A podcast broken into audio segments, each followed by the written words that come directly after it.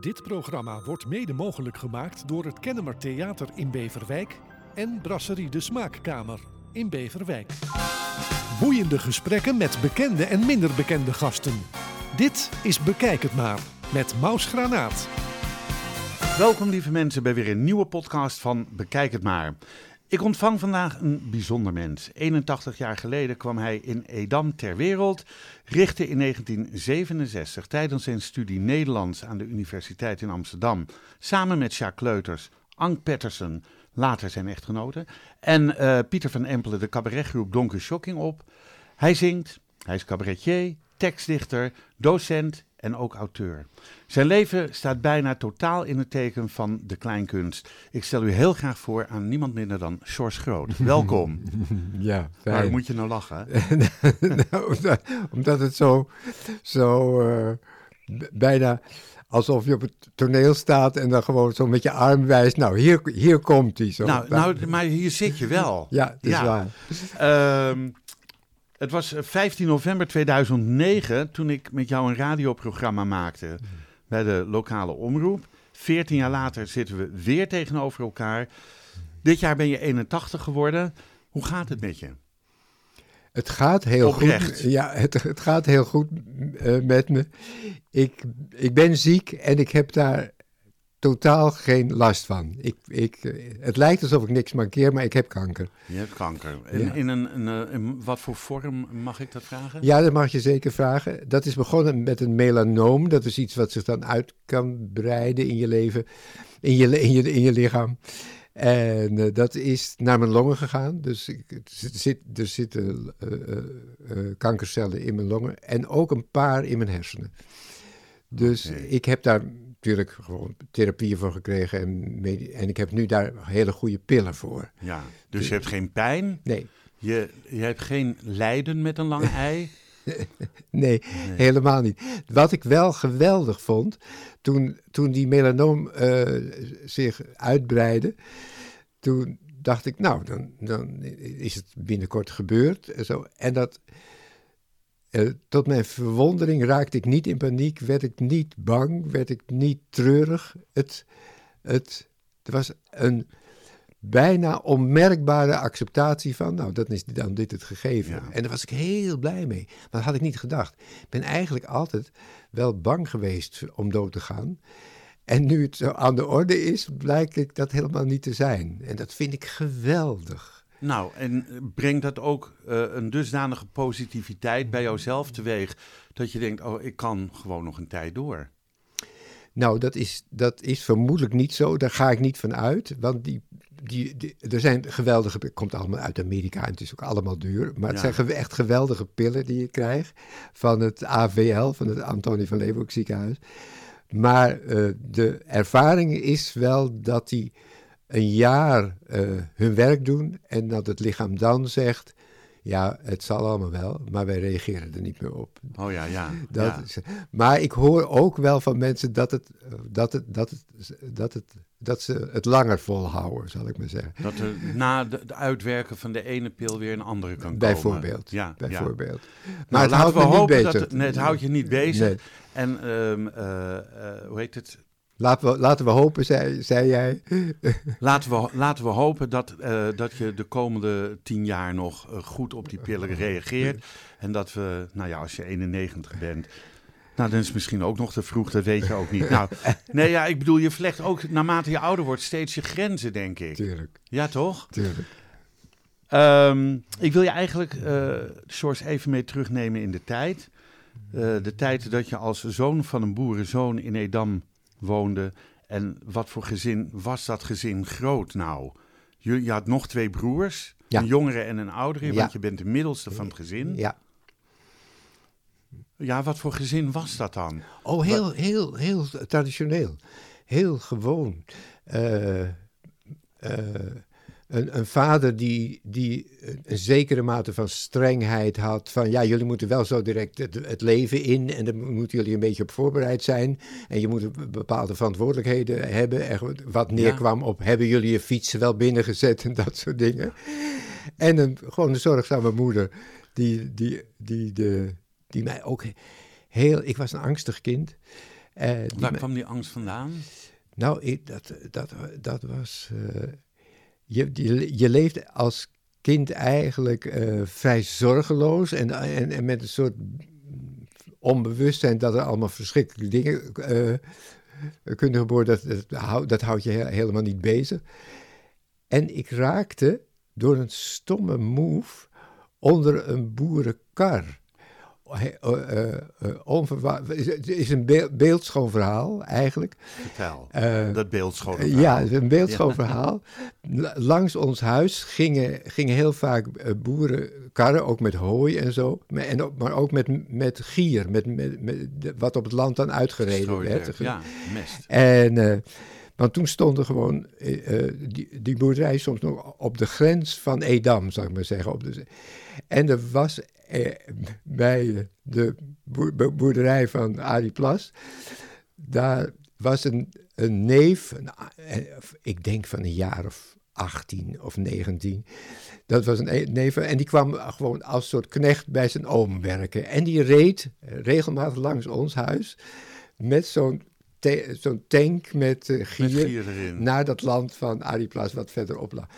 En ik vroeg of ik mee mocht rijden. Nou, ik mocht meerijden, ik zat op de bok. En die jongen, die ik vermoedelijk gewoon als zesjarig jongetje toch ook fascinerend vond. En ik denk ook dat hij gewoon aantre- echt aantrekkelijk was. En eh, die, eh, die deed dan de leid met, met een paard, voor paard, voor paard en wagen. Die deed dan de leidsels om zijn, om zijn nek zo even. Dan had hij zijn handen vrij om een checkie te draaien. Oh en ja. dat vond ik fascinerend.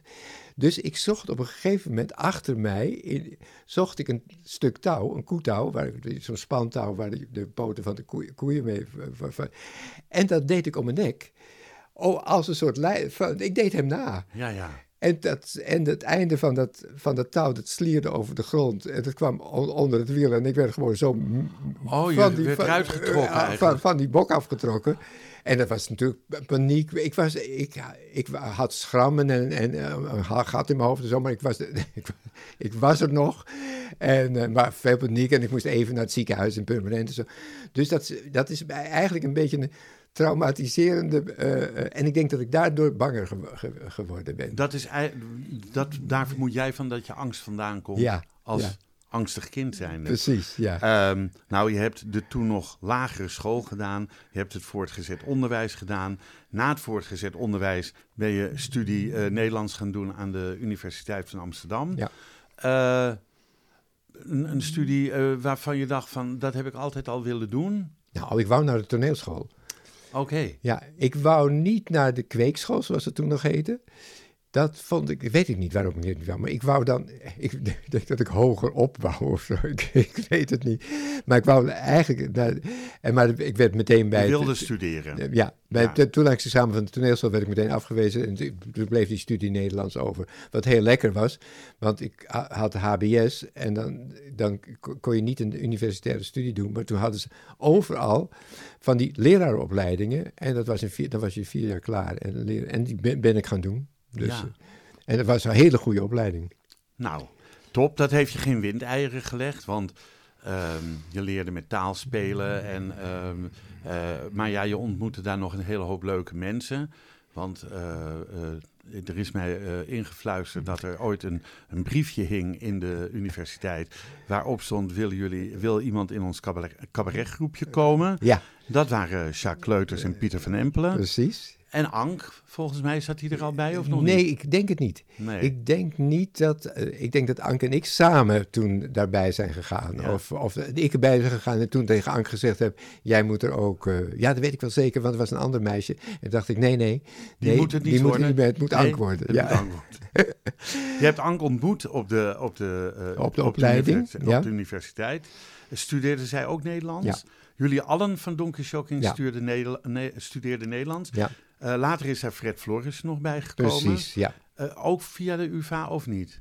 Nee, eh, Pieter van Empelen, de pianist, die studeerde één jaar in Eindhoven op de te- Technische Hogeschool. Ja. En, en die speelde dan ook daar al gewoon in restauranten.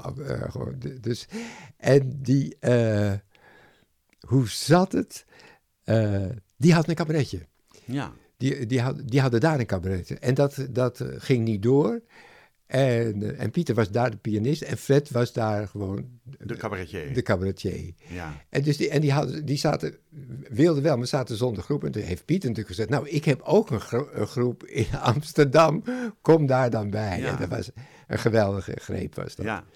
Het, eh, het stuk ehm, lever met, eh met Portnoy's Complain Ja. kan ik me nog wel herinneren. Ja, ja, uit, eh, ja. de- Boeken, le- Boeken lenen. Ja, Ja, ja. boeken lenen. Ja, dat- Geweldig. Fred kon dat zo goed. Ja, dat kon hij fantastisch. Fred was eigenlijk de meest eh, getalenteerde eh, speler van ons. Gewoon. Ja, Terwijl hij ook een mooie zangstem heeft. hij- jullie, jullie waren allemaal getalenteerd. Jullie konden heel mooi in harmonie zingen. En jullie konden eh, heel mooi meerstemmig bedoel ik zingen. Precies. Ehm, eh, ik zag jullie eind jaren zeventig, denk ik, eh, in de brakke grond. Of in Frascati. Ik weet het niet meer. Nee, Brakke- jij, de brakke brakke grond, grond, Eh, voor de eerste keer. En ik was gelijk verkocht. Eh, het was afscheidstournee 1. Ja, En eh, het nummertje Hele Vieze Dingen eh, Ja. zat daarin. ja. Eh, het nummer van eh, eh, Hans Dorrestein. En, dat zijn hele vieze dingen, hele vieze dingen, hele vieze dingen voor de mens. Ja, ja, met ja. hele vieze dingen, hele vieze dingen gaat men gauw over de grens. Ja, prachtig. Ja, Ja, ja. mooi. nou ja, mooi, maar een heel grappig nummer. Je, af- je afdrogen met het handdoekje van van, de de haringkar. Ja, precies. Moet er toch niet aan denken. Nee, maar, maar dat, dat maakte het ook zo leuk natuurlijk. Ehm, eh, wat ik ook een erg leuk nummer vond, dat is En wat doen we nou met moeder? Ja, prachtig. Ja. Wie heeft dat geschreven? Dat heb ik geschreven. Heb jij- ja, ja, ja. We hadden het er heel vaak over. We hadden het heel vaak over onze moeders. Ja. En wat ze, wat ze dan zeiden en wat ze dan vonden. En, en, en, en hoe we ze moesten provoceren. Ja, en toen heb ik dat nummer geschreven. Laten we haar een reis naar Israël geven. Man, dat is toch veel te duur. Als ze wat wil klagen, doet ze dat maar aan de eigen muur. ja. Dat zei Ank, die zin. Nee, zei ik. Zei jij die? Ja, die heb ik Oh. opgeëist. Die Oh, vond die ik heb je namelijk zo goed. ja, Ik dacht, nee, die zit... eh, Precies, ja. Ehm, Oké, eh, wat voor de oude school was ook een nummer. eh, Jan Boerstoel. eh, Nee, Willem Wilming. Wi- Willem Wilming, Ja. die daar de, ook al helaas overleden. Als ik zo kijk, eh, Pieter van Empelen is er niet meer, Anke is er niet meer, Fred is vorig jaar overleden. Ja. Ehm, de- word je daar, doet dat je wat als je, als je terugdenkt en denkt, jeetje Mina, wat zijn er al een hoop niet meer. Maar er zijn er een hoop nog wel ook natuurlijk. Je, ver- je verleidt mij tot antwoorden dat je denkt, wat een nare, Nee. ongevoelige man. Nee, nee, nee, nee, nee, want- nee, nee, dat ik, heeft- ik, ik, ik, ik ben er heel makkelijk in. in dat ik, denk, ja, mensen gaan op een gegeven moment dood en zijn er niet meer. Het enige is dat ik, en dat heb ik eigenlijk met, met iedereen, dat ik denk, oh, dat had ik, had vet, had ik aan, aan Fred kunnen vragen. Maar ook met mijn ouders. denk ik, oh, dat had ik aan mijn vader kunnen vragen. Ja. Dat is het Nog enige. steeds? Ja. Ja. En, eh, en, en mijn, mijn beide broers die wonen nog in Edam. En dan vraag ik dat aan hun en dan weten ze het niet. En denk ik, ja, pa had het geweten, maar ja, Ja. pa is er niet meer. En jouw beide broers zijn er ook nog. Ja, die zat er Ja, ook nog. zijn er ook nog. Nou, ehm, maar goed, dat, dat was eh, eh, ehm, natuurlijk, hoe heet het, Donkey Shocking. In de jaren zeventig kreeg jij de naam Swami Arnand George Aan, Anand, Anand. Anand, neem me niet Ja, Anand, George. Sami Anand. Eh, George. en jij, want jij en Ank raakten in de ban van Bhagwan. Dat was in de jaren zeventig best wel een, een bekende, hoe noem je dat, een organisatie, een, ehm, ja, een, je- een stroming, mag je, een religieuze stroming, Nee, het- kijk, het, het- mystieke stroming. Ja, eh, kijk, in, in, het, in, in, in India is het, is, een, is het een normaler begrip dan hier, of was het een normaal begrip dan hier. Je, je hebt een verlichte meester. Dat zijn, zijn verlichte meesters waar discipelen naartoe gaan. Gewoon, Ja. bepaalde, en dat heb je op, in, op verschillende plekken. In eh, Indi- India is dat heel gewoon. Ja, Alleen die Bhagwan Sri Rajneesh, die, die, die werd internationaal bekend. Ook omdat hij half zijn, zijn toespraken in het, in het Hindi hield en half in het, in, in, Engels. in het Engels. ja, En, en daar ook boeken van kwamen. En dus er kwamen veel Westerlingen, werden daardoor aangetrokken. En Jan, Jan Voudrenne, die een geweldige psychiater, een Nederlandse psychiater was, die eh, mooie dingen ook over, over psy- psychiatrie heeft geschreven, die ging erheen. Die, die wa- was benieuwd. En die schreef daar een boek over. ja. En daar ging ik, daarop ging ik. eh, het was heel leuk. Wij namen, Anke en ik namen, als we op vakantie gingen, altijd een boekentas mee, waar, daar gewoon wel twintig boeken, boeken in zaten. Moet dit mee? Moet, ja, laten we dat ook maar meenemen. En, eh, en toen zei, zei ik, zei, moet dat boek van Jan Voudrenen van eh, Oorspronkelijk Gezicht heette dat, eh, ook in het oranje, zo'n oranje boek. Moet het ook mee, ik met een vies gezicht. Zei ja, pak dat maar in, schat, die had het al gelezen. dat is nou heel niet onverstandig om dat ook in te pakken. En dat las ik op vakantie, Ja. in de tent. En toen zei ik, wat doen we eigenlijk hier? We waren in Italië, in Ventimiglia. Wat doen we eigenlijk hier? Waarom zitten, we niet, zitten wij niet in Puna? Gewoon omdat ik las hoe fascinerend het was. En Anke sliep ook half en die zei, schat, Puna is overal. maar ik wou, Wel een mooi antwoord. Ja. ja. Maar ik wou wel. En toen zei Anke, is hartstikke goed. En Anke regelde altijd alles van reizen. Van, oh, we gaan nu hier en we daar. En toen zei ze, En jij was volgzaam en, en ik, dat. dacht, oh heerlijk dat ze dat allemaal doet. En toen zei ze, jij gaat naar India en ik ga met je mee. Dus Ja. het was eigenlijk, ik moest het toen doen. En daar ben ik heel dankbaar voor. Ik was eh, geweldig. Jij en Ank trouwden ook. eh, en zijn eigenlijk jullie hele leven, of haar hele leven, bij elkaar gebleven. Zij overleed in eh, ja, 26 september 2010. Ehm, was, was, was ze ernstig ziek? Eh, nee, nee, nee, nee, nee. Ze, eh, gewoon, mijn moeder zou zeggen verval van krachten, maar dan op, op vrij jonge leeftijd. Want Anke had heel veel gedronken en heel weinig bewogen. En nee, ze, nee dat, he- heel helder verstand. Oh, Alleen het, het lichaam gewoon... eh, Gaf het op. Gaf het op. ja. Was gewoon... eh, 69 jaar is geworden. Ja. En jullie zijn 45 jaar bij elkaar geweest. ja. Dan ben je toch een, een, een, een verbondenheid, een twee-eenheid met elkaar. Wij waren echt een twee-eenheid. Wij waren alles. Ik, eh, eh, eh, ik, ik las dus in een interview met Tanja van der Zanne, was een, was een, eh, een Belgische, Vlaamse actrice. Die was getrouwd met Sam een regisseur. En die zei, mijn Sam, mijn Sam is alles, zei ze. Mijn Sam is mijn, mijn man en mijn broer en mijn vader en mijn tegenstander en mijn collega en eh, alles. Die is alles. Ja. En toen dacht ik, ja, dat zijn Anke en ik ook. Wij zijn alles voor elkaar. Ja. Ank zei ook vaak pap eh, over mij. Hey, pap. Zo, Pap eh, tegen jou? Van, eh, ja, als papa, ja. hey, Ja, pap. Terwijl zij ouder was dan jij. Ja, nou ja, Ja, half, half half jaar. Oké.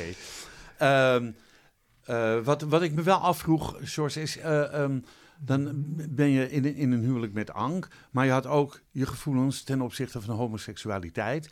Hoe, hoe ga je daar in een huwelijk mee om? Was het een open huwelijk van... eh, Je, je vraagt het aan mij, hè? Want ik weet niet hoe mensen het in het algemeen... Jij zegt van, maar hoe ga je er in een huwelijk mee om? in, in jouw huwelijk? Ja, want dat, ja. dat, dat, dat verschilt natuurlijk.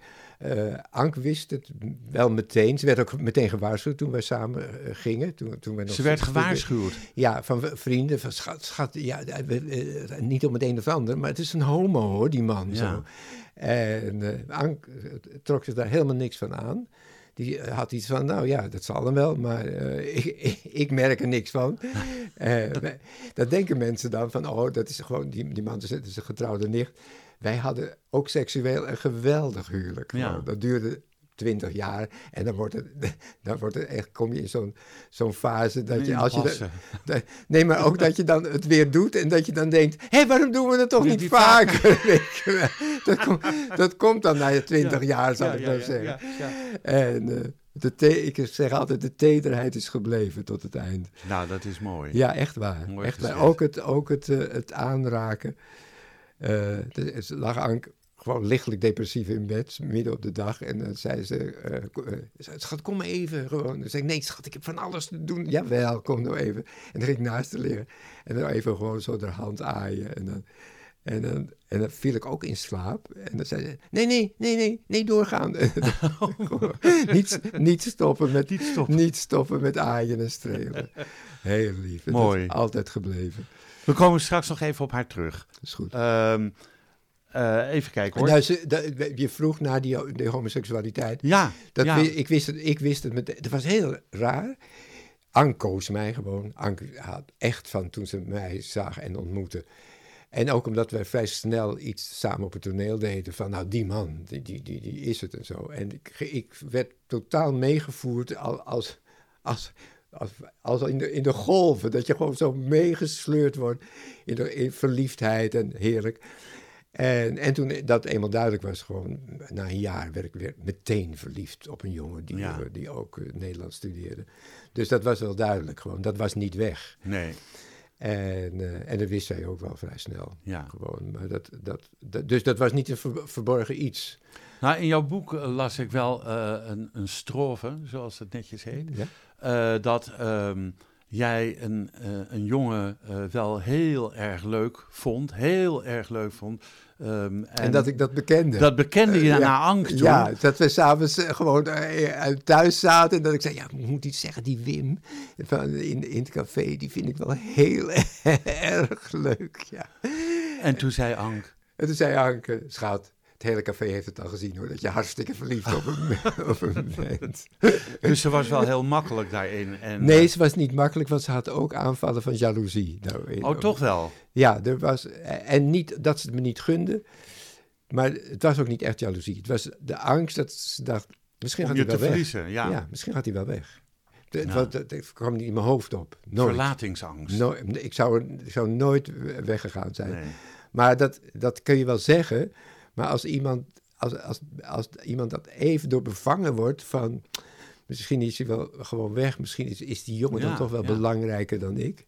Dan kan je niet uit iemands hoofd praten. Dus dat, dat was wel een ding. Ja, mooi. Toch een mooi verhaal. Eh, want je hebt, het opge- je hebt het opgeschreven. Ik kom daar ook straks op. We komen op Ank terug en op je boek terug. Ehm, naast Donkey Shocking eh, ben je meer dan 30 jaar eh, docent eh, geweest tekstschrijven aan de Hogeschool voor de Kunst in Utrecht. Ja, dat was al, algemeen. Dat was echt zo'n taalexpressie-docent. Was ik in, in, in, in Oh, taalexpressies taal- Ja, en ja. taal en spel Ja, aan de Theaterschool in Amsterdam. ja. Eh, ook heb je tot 2013 lesgegeven als docent liedjes schrijven aan de Koningstheater Academie voor Cabaret in Eindhoven was of Den Bosch. Ja, Den Bosch. Ja, Den ja. Bosch. Dat is niet tot, want dan lijkt het een hele lange periode. Ik heb er één, één jaar les gegeven. Oh, En toen... eh, eh, nou ja, het was tot 2013. ja, het was, tot, maar het was dan vanaf 2012. Goed, doet er niet toe. Oké, Maar dat, eh, dat stopte ook omdat ik... Toen had ik al een, relatie met een, jongen die daar eh, leer, eh, student was. ja. Maar dat had ik al, dat had ik ook al gezegd. En Ja. toen ze- ze- zei die directrice, directeur, maar een vrouw, die zei, eh, oh dat is niet zo erg, maar dat was toch gewoon eh, onhoudbaar. Want het Ja. was, was zo duidelijk dat wij een relatie hadden. En dat is natuurlijk niet de bedoeling op een school. Natuurlijk niet. Dat een docent, docent met en een leerling. leerling. Ja, nee, dat kan niet. Trouwens, ze zijn er tegenwoordig natuurlijk best heel, heel eh, kies op in, Ja, in veel, deze tijd. veel strenger eh, dan twintig jaar geleden. Ja, ja. Ehm, eh, je schreef teksten voor het theaterprogramma Tiptop. Een programma met eh, Jenny Arian, Lucretia van der Vloot, Remco Vrijdag, Joost Prinsen, Ja, eh, een geweldige Ruud club. Zimmerman, eh Ruud Wijsman, sorry, Die die deed de regisseur- regie. re- Precies. Ja, ehm, een stuk over, de, over de, het amusement van het, de oude Joden tussen de Eerste en Tweede Wereldoorlog Ja. in. Precies. Wat was dat voor een tijd?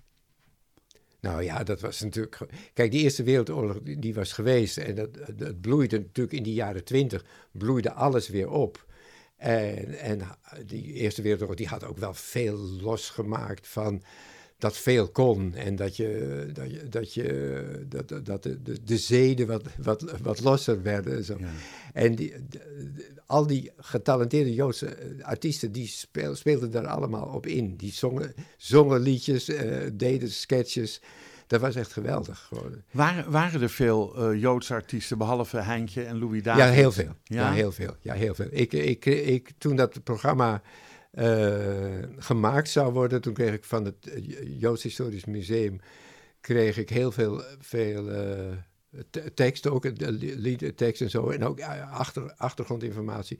En ook twee bandjes van een, van een, een Joodse man. Die geweldig, het was een pianist, maar die kon, kon, dan alles die vertelde. Eh, geweldig. Dave Swaap heette, heette Dave. Swaap. Ja, geweldig. En die vertelde dan bijvoorbeeld, dus die, ja, dan ging ik voorspelen bij, bij mevrouw Neugerad, of ik bij een film eh, eh, eh, mocht spelen, eh, of, of tussendoor in de, in, de, pauze van, van een film. En dan zei mevrouw Neugerad, ja, ja, je speelt wel aardig. Nou, ik neem je aan als je er een dansje bij doet. en dan tussendoor dan nam, nam hij taples en dan speelde hij en dan deed hij een dans. Geweldig, geweldig. Dus dat, ik had he- heel veel materiaal. Ja. Daar heb je zelf, sorry, bestaande teksten eh, of bestaand materiaal eh, bewerkt voor in de, in de voorstelling. Ja, En eh, toegevoegde liedteksten Ja. gemaakt voor Jenny en En voor, voor Jenny en Lucretia. Met name. Ja, ja. ja. ja. Goh, mooi. Ehm, het, wa- het was, was een, was een mooie, een mooie voorstelling. eh, eh, tenminste, de muziek. Ik heb de voorstelling nooit gezien, maar de Ja. CD staat achter je. Ehm, ja.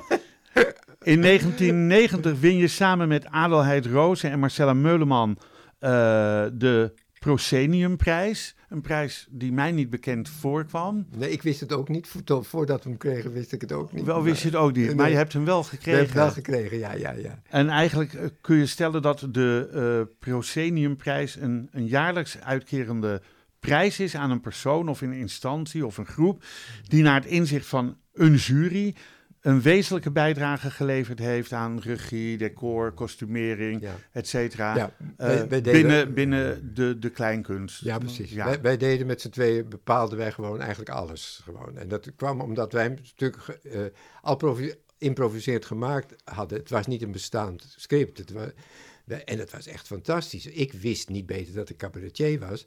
Maar Adelheid wilde... Die had twee, ik geloof twee soloprogramma's gemaakt. En met Marcelle Meulemans. En die wou niet meer alleen. Dus toen koos ze mij eh, en uh, Marcel Mulman kende mij wel als cabaretier en dan nog niet eens heel erg goed. Dus die had iets van, George Groot, wat moeten we daar nou mee? Nou, laten we maar ga- gaan improviseren, gewoon in, in een studio. En dat was eh, voor mij ook, echt, was fascinerend. Ze zei, en toen zei Mar- Marcel nou ja, laten we maar beginnen. Laten we maar doen dat jullie zitten in een trein van Amsterdam naar Barcelona. En jullie zitten met z'n tweeën in de coupé. En jullie kennen elkaar niet. En, en ik zei met Een soort op de vloer, de vloer ja, op. eh, de vloer op, precies, ja, precies. Ja, En, eh, en Marcel die zat zo gewoon zo- zo'n beetje te, te kijken van wat het zou worden. En we zaten te- op elkaar en ik zei tegen Aanleid, zo, helemaal in je eentje naar Barcelona. en zij werd meteen gek. Ze dacht, ik werd natuurlijk gewoon iemand anders voor haar. Ja. Gewoon een soort vaderfiguur die een beetje neerbuigend gewoon. Dus ze begon Zo. meteen te blaffen. Oh, Hoezo? Hoezo? Je hoeft niet zo'n toon tegen mij aan te slaan. Geweldig. Nou, en dat ging gewoon door. En ik vond dat, ja, ik vond het een soort raar eh, spelletje wat je aan het doen bent. Gewoon voor de gezelligheid bijna en zo.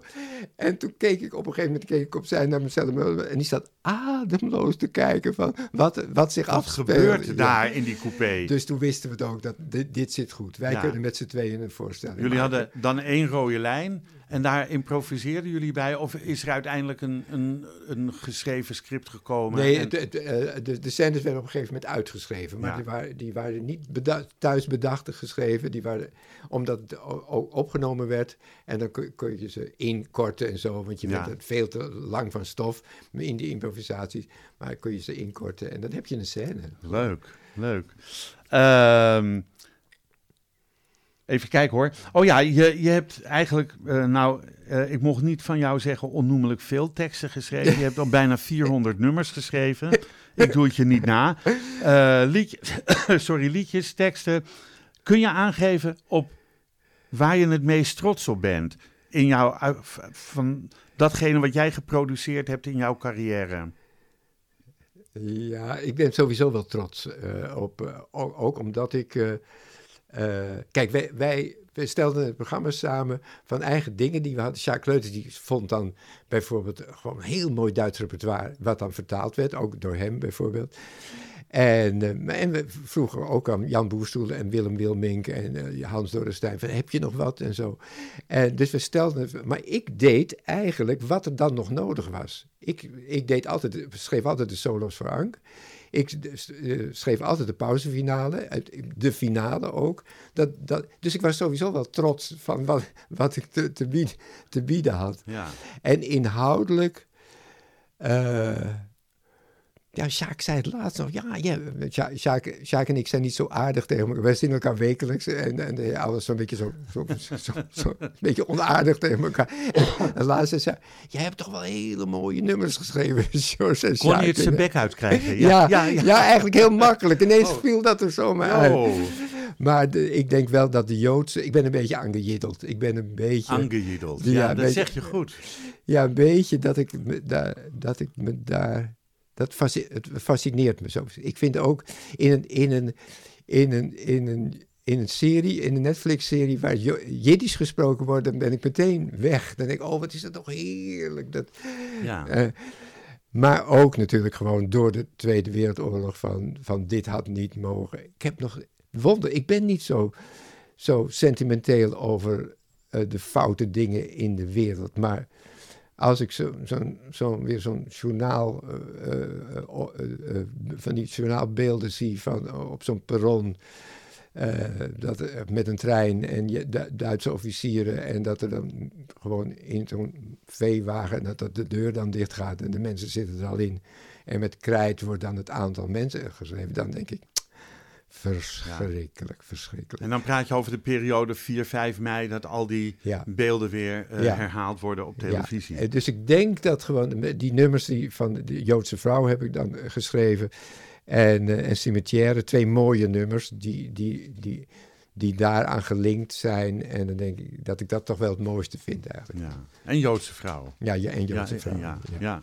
En Dat- ja. Wat, wat je eigenlijk eerst geschreven had voor Doris Baten. Ja. En wat later in de voorstelling gezongen is door Lucretia van der Vloot. Precies, Ja. precies. Tergend langzaam wakker worden. Eh, in de schaduw van de zon. Twee toneelstukken waar eh, boekjes van gemaakt zijn van jou en Adelheid Rozen. En eh, je levenswerk van jouw hand uit 2022. Een vuistdikke roman, mag ik zeggen. Wordt er wel eens gezegd. Eh, voor herhaling vatbaar. Ja, voor herhaling. Geschreven door George Groot. Ja, Waarin eh, fictie en eh, realiteit door elkaar wandelen. zeg dat. En het eigenlijk een soort van optekening is van jou. Heb je altijd een dagboek bijgehouden? Ja, heel veel wel, Ja. maar ook heel veel niet. Maar ook in- met name in ongelukkige perioden dagboek bij- bijgehouden. Welke ongelukkige periode? Oh, verliefd en dan mislukken en dan gewoon Oh ja. altijd weer gewoon, nou, bij- wijze van spreken gewoon een leuke man met, met een vrouw en drie kinderen en dan heel verliefd worden. En bij wijze van spreken. Ja, Eh, nee, dat niet eens. Ook wel, maar voornamelijk gewoon jong, een jo- jongere jongens in het café en dan Ja. gewoon. ja. Dus, en dan ook dat je denkt, eh, hij, hij, hij, hij vindt je wel een leuke, fascinerende um, um, man, Jos, maar hij hoeft je helemaal niet, weet je wel. Ja. En, en dat, dat komt, kwam dan in mijn dagboeken terecht. Maar wat, wat heeft jou ertoe gebracht om jouw leven, van je leven op een boerderij, zoals beschreven in het boek, tot de talloze ontmoetingen met escortboys aan het publiek toe te vertrouwen? Oh ja, ja, dat, ja dat, dat, dat is natuurlijk ook een soort gekte. Waarom ga je op het toneel staan? Van, je wilt toch kennelijk dat, eh, dat het gehoord wordt op de een of andere manier. Het is heel wonderlijk. Ik heb niet...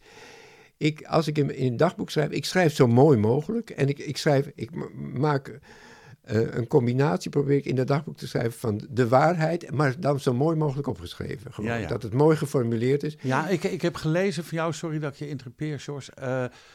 Volgens mij was het een interview in het Parool. Eh, het, is ook, het kan ook een soort van exhibitionisme zijn. Ja, ja, ja, ja, tuurlijk. Ja, tuurlijk, tuurlijk, ja. tuurlijk.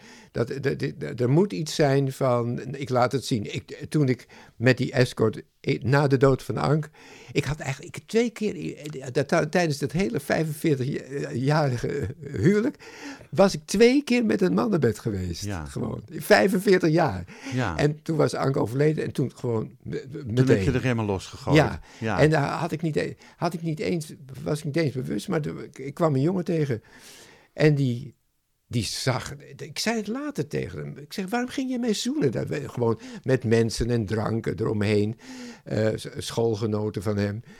En toen zei hij, ja, ik zag het gewoon. Ik, zei, hij ik zag gewoon, jij, jij, moet- jij moet gezoend worden. Zo. Oh, en dat was ook zo. heeft Ik- nog nooit iemand tegen mij gezegd.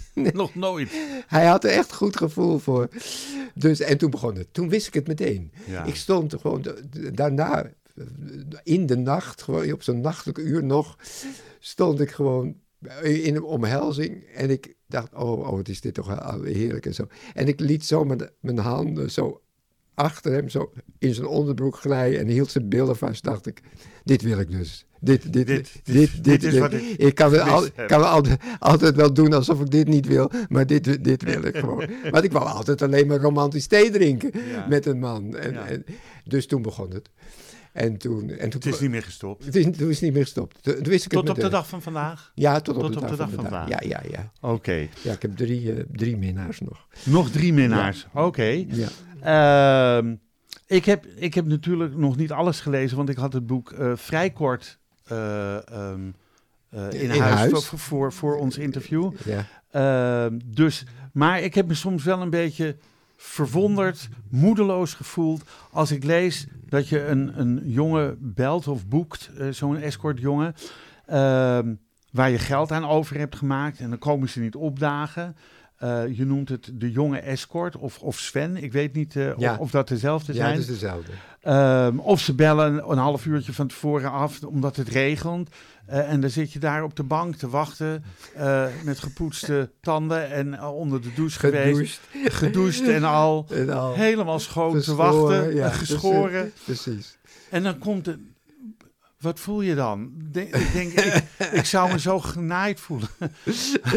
Als ik het zo mag zeggen. Nee, je, je, je doet het in het algemeen. Dat is, het was, was één jongen. Dat is, ik, ik heb ook dit, dit, dit boek voor herhaling vatbaar. Die term is trouwens ook van hem. De, hij, de eerste keer dat hij kwam. Het was meteen heerlijk. Het, Ja. het was echt was meteen heerlijk. 18 was hij toen. Ja. Eh, dus ik was net niet strafbaar. En, eh, en alles, alles was heerlijk. En toen had hij zich weer aangekleed en toen ging hij weg. Hij was maar kort, dat, dat heb je wel eens gewoon. Dan is het gewoon gebeurd. En dan Ja. is hij, ik, ik lag nog zo'n beetje na te soezen. En, en hij had zijn kleren alweer aan. Ja. En toen stond hij bij die deur en daar die school. En toen zei hij... eh, was het voor herhaling vatbaar? Ik zei, het was heel erg voor herhaling vatbaar. dus daar komt die term ook vandaan. Maar dat, die, Weet dat- hij dat, dat je deze term naar hem... eh, Nee, nee, hij, hij weet van dit boek helemaal niks. Hij weet van het dat- boek niks. Toen was het al klaar. Toen had hij het al te bond gemaakt in het niet komen. Maar je hebt Oh. iets van, ze komen dan niet. Nee, dit is specifiek die ene jongen. Dat is die ene Want het is eigenlijk... Kijk, er staat ook bij, eh, bij Boys for You, dat is zo'n site hè, waar, ik, waar je op zoekt als je homoseksueel bent en seks wil. Eh, daar staat ook met rode druklettertjes, niet waarschuwing niet betalen voor, voordat u eh, De afspraak gemaakt heeft. gemaakt heeft. En ik deed dat dus wel. Ja. Omdat ik vond hem... En hij, ja, dat, dat, dat, daar, daar, daar, daar glij je dan in van... ja, ik kom vanavond, maar kan je alvast even 20 euro overmaken... en dan kan ik sigaretten kopen en eh, gewoon... En, en nog even iets drinken met mijn vrienden. En dan kom ik. En dan, ik helemaal klaar. En dat hij dan niet kwam. Met een excuus van... Ja, maar mijn moeder die, eh, die, die voelde zich niet goed en die zei... eh, ja, maar je moet, kan nou echt niet weggaan. En, en allemaal die, ja. Allemaal lulsmoes. Maar ik, ik was er niet tegen bestand. Nee. Want eh, als hij dan weer wel kwam, dan dacht ik... Oh, nou, het is zo leuk en lief Ja. met, die, met die jongen. dan, eh dan zwijmelde hij weer helemaal ja, weg. helemaal. Dan vergaf ik hem weer alles. Ja. Nou ja, zoals het gaat. Dat zijn klassieke, klassieke verhalen zijn dat. In het boek heb je niet echt voor een chronologische volgorde gekozen. De, de, de jaren van jouw dagboek die vliegen een beetje van hot naar haar. Nee, nee, nee, nee, nee, nee. Ja, dat is waar. Ja, Omdat, omdat ik eh, da- dagboekfragmenten erin heb die van, van eerder zijn. ja, dat bedoel ik. Ja, je hebt gelijk. van, ik eh, moet niet zeggen nee, je, je hebt gelijk. Van 1963 naar 2011 Precies, en van eh, ja. 1972 naar... Ja, maar het verwarrende is ook het verhaal eh, van op de het, het, het onderliggende verhaal van een jongen op de boerderij in het noorden. Die heeft natuurlijk ook die andere eh, datums. Die heeft ook, dus het is een beetje verward. Ja, En er zijn dagboekfragmenten die zijn ook al eerder gewoon dan die jongen. Want die jongen is nog maar van een paar jaar geleden. maar de jongen op de boerderij, dat is fictie. Dat is fictie. Dat is Die fictie. Thomas, daar heb Ja, ik expres gekozen dat die Thomas heet en niet George. Maar, maar dat, dat is wel, dat is wel heel erg zoals ik zou zijn. Gewoon. Ja, ja. Want die jongen is heel behoedzaam. Die is hartstikke, wordt hartstikke verliefd op die jonge boer van die boe- boerderij. Een enig, enig echtpaar ook. ja. Die vrouw is ook, vind ik ook zo geweldig. En dat komt De, de, de, de, de, de lijn van het verhaal komt ergens anders vandaan, toch? Of niet? Van, eh, van die boerderij. Ja, de, nou, nou, als je het helemaal wil weten. Ik was in Parijs Ja, daar komt het verhaal. in, in 2021. Ik weet niet. in ieder geval vlak voor de corona-periode. Dan is 2020 kwam corona. Maart, oh, precies. Dat- maart dat- 2020. T- t- Toen was ik voor ik had iets ik had 4000 euro ergens mee verdiend en mensen zeiden wat ga je doen? Ga je de kleren kopen? Ik zei nee, kleren heb ik zat. Ik ga vier weken naar Parijs. En dat, dat kon maar twee weken en toen brak ging alles dicht in Parijs. Oké. Maar daarvoor in die pe- periode, en dat, dat gevoel ken ik, dat ik was daar drie of vier dagen in een, in een eigen studiootje. En ik dacht, wat zit ik hier toch in godsnaam te doen in die stad? Ja, ik ga me alles gaan bekijken en zo, maar on- eh, onzin. En toen dacht ik, ik ga eh, een verhaal bedenken. En ik ga op de terrassen een hoofdpersoon uitzoeken. Gewoon. En dat lukte heel goed. Of in een museum, daar zag ik een vrouw, enige vrouw met een man die een beetje achter de aan schokte. Heel knappe vrouw, die zo kordaat. dacht ik, oh, die wordt, die wordt de hoofdpersoon in mijn verhaal. Dat luk, mislukte voortdurend, want dan had ik weer een ober gezien. Van wat oh nee, hij wordt de hoofdpersoon van het verhaal. En toen dacht ik, George, zo werkt het niet. Nee. Het werkt gewoon op een verhaal, niet op een hoofdpersoon. Het werkt pas als een jongen in een hooiberg bij een boerderij geslapen heeft en s'morgens de hooiberg uitkomt en die boer staat daar beneden en die zegt... Ga jij zomaar in mijn hooiberg slapen? Dat, dat, zo krijg Zo- je een zo verhaal. het verhaal. En zo begint het verhaal Ja, ook. schitterend. Even tot slot over het boek voor herhaling vatbaar. Eh, je, je dankbetuiging of je aan Ank. Ja, Ja. dat was, was natuurlijk... Jij noemde het geen dankbetuiging. Nee, ik doe een ode. Ik een ode, een ode, ode, ja. En dat kwam, die noodzaak in mijzelf kwam omdat.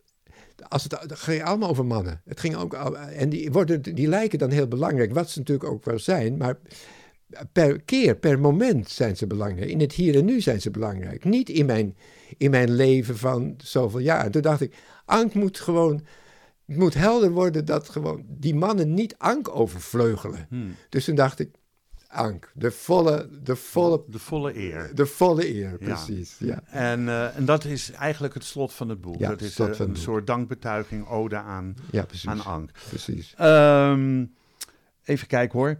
Werk je, werk je nog steeds op professioneel gebied? Of eh, word je wel eens gebeld van... God, ik heb een nummer nodig voor mijn show. Kun je een nummer schrijven? dat, dat, dat, dat laatste jammer genoeg niet.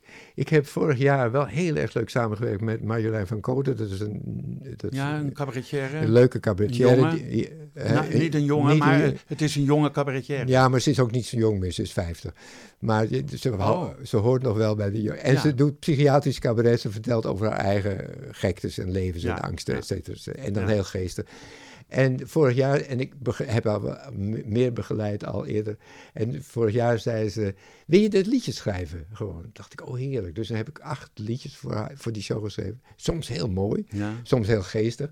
En dat doet me dan geweldig goed. En zij, haar natuurlijk ook, Ja. omdat ze denkt: Ja, die man die kan het gewoon. Maar waar, waarom, waarom schrijf je geen liedjes en eh, ga je... De... Ik kom er niet op. Ik, ik, ik, zou je, ik zou je zeggen: Maar je vindt het jammer dat ze niet bellen ervoor. Ja, Ja. Ja, maar dat, ik, ik kom er niet toe. Ik, ga- ik eh, heb pas eh, eh, zes weken op de dinsdagmiddag gewoon aan een school les gegeven, de lied schrijven. Dan geef ik opdrachten aan dat groepje. Ik had een klein groepje, geef ik te schrijfopdrachten. En voor de volgende week, schrijf voor de volgende week dat of dat. En dan geef ik een goede omschrijving van wat ik dan, de, de vorm en de inhoud, eventuele inhoud. En dan schrijf ik dat zelf Ja. En dan, denk ik, en dan komen dan va- vaak hele mooie versjes uit. En dan denk ik, nou ja, Sjors, je kan het dus gewoon. Waarom doe je dat niet uit je... Dus ik geef mezelf een opdracht. Maar ik, ik, weet, ik weet niet hoe ik iets moet bedenken. Ik moet Maar een- ondertussen staan er wel bijna 400 op ja, je naam. Ja, maar dat is toch allemaal met een aanleiding. Dus er moet een aanleiding Ja. zijn om een liedje te schrijven. Ja, precies. Ja. Ik zou zeggen, mensen, bel George Groot. hij, hij doet het graag met een aanleiding. ja, het is echt waar. Ehm, dus af en, toe, af en toe doe je nog wat. Vind je het dan ook leuk als je vragen om iets te doen, om, om het ook te doen? Om, om, om dan een stukje te schrijven of een liedje ja. te schrijven? Ja, Ja. zeker. Zeker. Ehm, zeker. Vind je het leuk als we het interview afsluiten met een liedje van Donker Shocking? Oh, heel goed. Ja? Oh, heel goed. Ehm, ik had gedacht aan toch eh, het, het liedje van eh, Willem Wilming, De Oude School. Ja, natuurlijk. Ik vind het gewoon een mooi nummer, maar het is dan wel eigenlijk een nummer wat altijd gedraaid wordt van Donker Shocking. Maar voor mensen die het niet kennen, vind ik het toch nog wel heel mooi om te laten horen. Eén zin uit, die, uit, die, eh, uit dat liedje vind ik zo leuk, goed, zo goed bedacht. Welke zin is dat, denk je? Zou je, zou je een gok durven wagen? Eh, Wat ik nou een, zo mooi gevonden vind. Oh, ik, ik, ik denk niet dat het hem is, maar ik moest, toen we dat repeteren, dan ken je het nog niet helemaal goed. En dan zing je het wel, maar je hebt nog niet gewoon... De, de, De juiste woorden? Nee, maar het juiste gevoel gekregen. En toen moest ik ineens huilen bij eh, de kleine keeper in zijn doel. Hij, hij weende zeer. Gewoon, je, je kreeg met tien op je smoel, Smoel. de kleine keeper op zijn doel. Hij weende Zeer. Ik zag, omdat ik ineens dat jongetje daar gewoon in dat doel zag staan, dat hij dacht, Oh, ik heb gefaald. je Ja. hebt- nou. Nee, ik, heb een, ik had een andere zin. Ehm, en eh, als ik daar dan sneeuw in smeet, dan siste hij. ja. De kachel eh, Ja, op kachel school, in, in het lokaal. in het lokaal. Ja. Maar ik denk, als ik daar dan sneeuw in smeet, sneeuw in smeet, dan siste siste hij. Ik vond het gewoon... Is ook zo. Qua taal is het ook prachtig. Ja, maar ja, Willem Wilmink was natuurlijk ook niet een van de minste. Nee, zeer, Nee. zeer mooi. Eh, zijn er dingen, George, die je zelf kwijt wil? Dat je zegt van, oh, je hebt dat niet benoemd of dat niet benoemd. Of daar hebben we het niet over gehad. Of ik wil dat nog even kwijt. Nee, nee, nee. Helemaal niet? Helemaal niet. Nee? Ehm, dan gaan we eerst eventjes naar het liedje luisteren. En dan kom ik zo nog terug met één vraag. Ach, zou die school er nog wel zijn, kastanjebomen op het plein, de zware deur. Platen van ridders met een kruis en van Goejan Verwelle sluis, geheel in kleur. Die mooie school, daar stond je met een pas gejatte sigaret in het fietsenrek. Daar nam je bibberig en scheel en van ellende groen en geel, opnieuw een trek. En als de meester jarig was, werd het rumoerig in de klas. En zat je daar. En je verwachtte zo direct een uiterst boeiend knaleffect. De klapsigaar. Je speelde in een schooltoernooi en het begin was wondermooi, fijn voetbal weer. Je kreeg met 10-1 op je smoel de kleine keeper in zijn doel. Hij weende zeer. Najaarsblaren op de grond, daar stapte je zo fijn in rond. De school voorbij. En winters was de kachel heet en als je daar dan sneeuw in smeet, dan siste hij.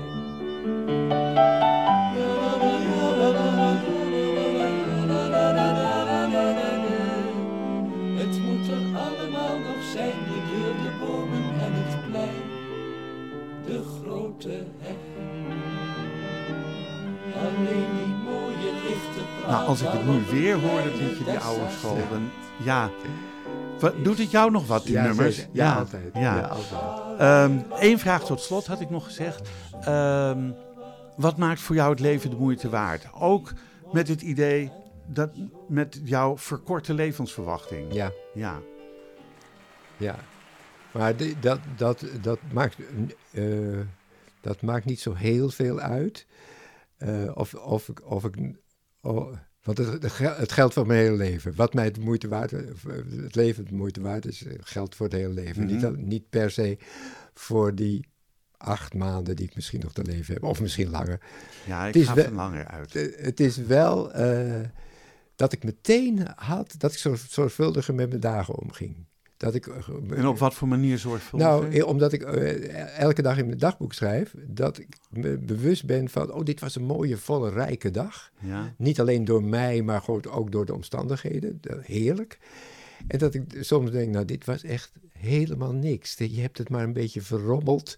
En, En, en wat je had kunnen doen, heb je niet gedaan. Een beetje op de bank gezeten en nog eens een oude krant gelezen en zo. En dat ik dan nu iets meer heb van... George, dit is toch wel een soort van verspilling van je tijd. weet Wat je. gaat er vanavond inkomen? Als we Oh, dit? een- ja, oh, dit- dit, ja, dit.